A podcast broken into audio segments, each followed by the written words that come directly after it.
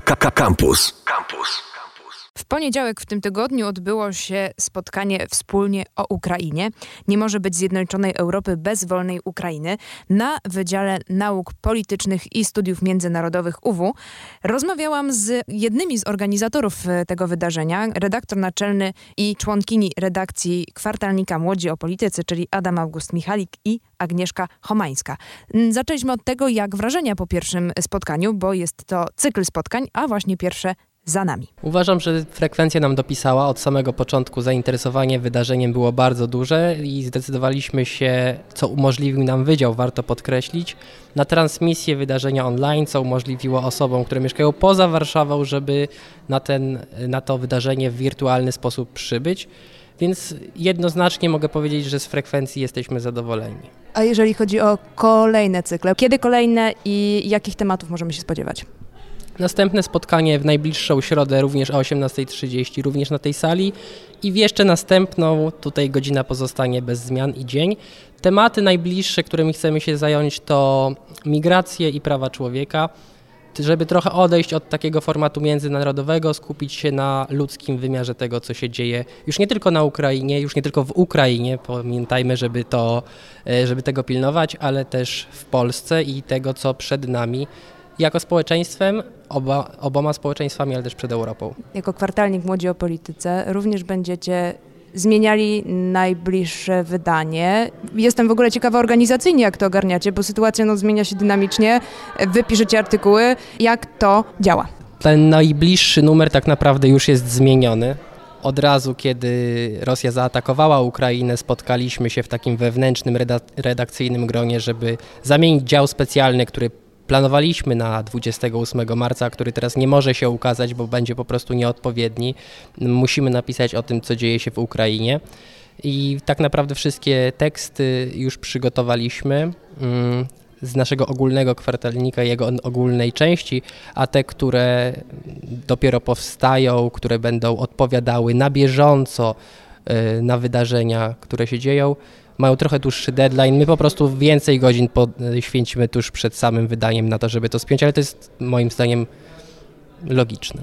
Tak, no ze względu na to, że sytuacja jest y, dynamiczna, to zdecydowaliśmy się właśnie na troszkę rozluźnienie tych terminów bardziej. To znaczy osoby, które piszą do specjalnego działu i piszą o Ukrainie, są w bezpośrednim kontakcie z działem korekty.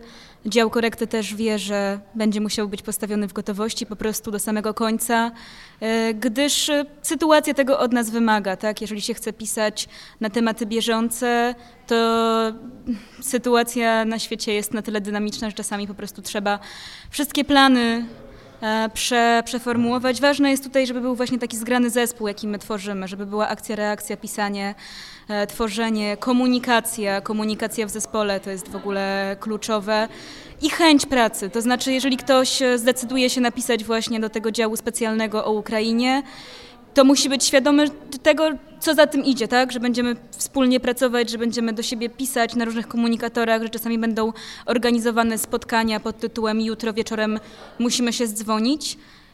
I ze strony naszej ekipy, naszych autorów zdecydowanie taka chęć współpracy jest. Czy spotkaliście się z tym, bo to są poważne tematy my jesteśmy w takim rocznikiem, jakim jesteśmy. Nie macie czasem takiego wrażenia, że starsi albo mm, środowisko z pewnym pobłażaniem może traktować, co piszecie? Myślę, że nasza inicjatywa, właśnie przez to, że jest inicjatywą, jest bardzo pozytywnie przyjmowana przez naszych wykładowców. Nie jestem w stanie zagwarantować, że wszyscy czytają to, co piszą studenci, ale chyba też nie o to chodzi. Być może chodzi o to, żeby ci, którzy są otwarci na to, co studenci mają do powiedzenia, to czytali i przede wszystkim dawali feedback, bo na takim zdaniu wykładowcy, specjalisty w danym temacie, co my, młodzi twórcy, możemy ulepszyć, nam najbardziej zależy. Taki z wielu stron dostajemy. Mogę tu wymienić bardzo wiele nazwisk takiej też młodej kadry naukowej, która po prostu nam w tym nie pomaga nie recenzuje, ale nie owija w bawełnę mówiąc co myśli albo co można ewentualnie poprawić. Tak, a poza tym wydaje mi się, że takim wyznacznikiem tego, że o nas się wie na uniwersytecie czy na wydziale, jest to, że jeżeli wspomni się właśnie o młodych o polityce, czy chce się zorganizować coś w ramach naszej inicjatywy, to profesorowie wiedzą o co chodzi. I również jesteśmy w kontakcie mailowym z profesorami um, i dostajemy różny. Czasami pozytywny feedback, czasami po prostu dostajemy słowa powodzenia. Również dlatego, że niestety kultura pisania no nie jest najlepsza i nie idzie w dobrą stronę. I to jest bardzo, bardzo ważne, żeby właśnie ten swój warsztat, y, czy analityczny, czy publicystyczny, żeby go gdzieś się nauczyć. No a gdzie się go nie nauczyć, jak na uniwersytecie? Gdzie nie, jak w inicjatywach studenckich?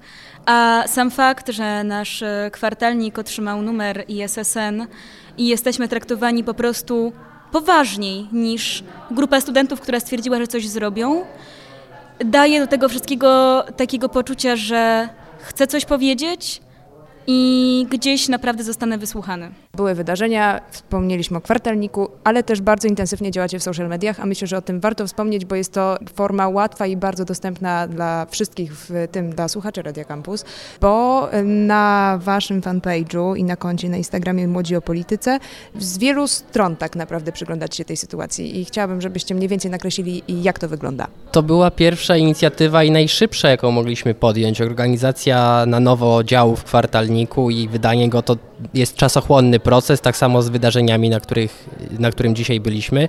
To mogliśmy zacząć robić już od pierwszego dnia i na tym nam zależało. Chcieliśmy ugryźć to z paru stron, to urodziło się w trakcie naszej burzy mózgów. Przede wszystkim na bieżąco informować o tych y, zweryfikowanych źródłach pomocy, linkach, organizacjach, które zajmują się tym profesjonalnie. To było coś takiego, co my od, od siebie możemy dać od razu. Druga rzecz, jakaś cegiełka dołożona do walki z dezinformacją, do wyjaśniania pewnych terminów, które pojawiają się w debacie publicznej w związku z agresją Rosji na Ukrainę. Tutaj mamy cały słownik wojny w Ukrainie, gdzie studenci wyjaśniają poszczególne terminy swoim rówieśnikom.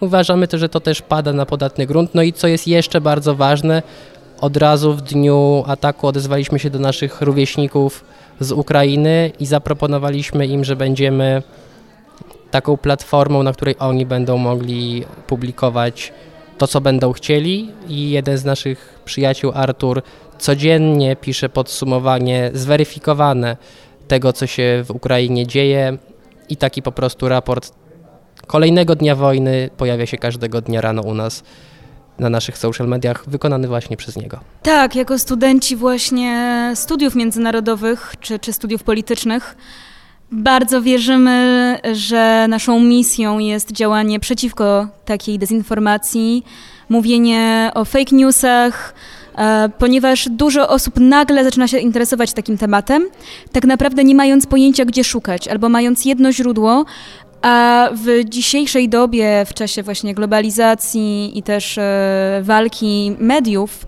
bardzo ważne jest to, żeby umieć te wiadomości, które się pojawiają, skontrastować, albo właśnie to, co przed chwilą e, Adam powiedział, jeśli chodzi o ten słowniczek wojny. Zaczęliśmy operować terminami normalnie w takim dyskursie codziennym terminami, którymi raczej operujemy na studiach.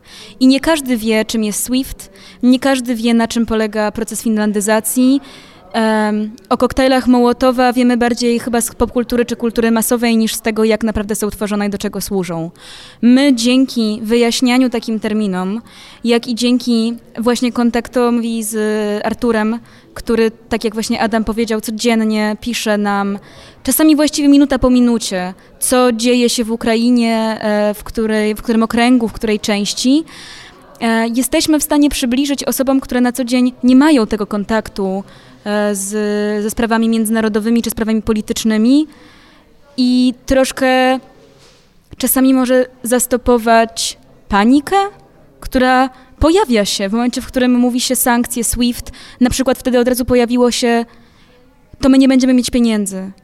Trzeba biec do bankomatów. E, nie będziemy mogli wykonywać operacji, bo jak Rosja będzie odcięta, to też to wpłynie bardzo na Polskę. Oczywiście w jakimś stopniu to wpłynie, ale musimy zrozumieć, jak to wygląda. Było potem pytanie, okej, dlaczego jeden rząd jest na tak, drugi rząd na nie, co się dzieje? Zrozummy w takim razie procesy, które um, kształtują się właśnie w, w takim politycznym środowisku, w, poli, w środowisku międzynarodowym. I my jako młodzi o polityce bardzo wierzymy, że możemy to robić, bo jesteśmy tutaj dla nas wszystkich. Dla nas studentów, dla was, Po prostu. Mówił Adam August Michalik i Agnieszka Homańska z kwartalnika Młodzi o Polityce. Zachęcam do zajrzenia na ich social media, bo tam dużo przydatnej wiedzy dotyczącej obecnej sytuacji, a także info o kolejnych wydarzeniach z cyklu Wspólnie o Ukrainie. Internety. Facebook.com ukośnik Radiocampus. Twitter ukośnik Radiocampus. Snapchat ukośnik Radiocampus. Instagram ukośnik Radiocampus.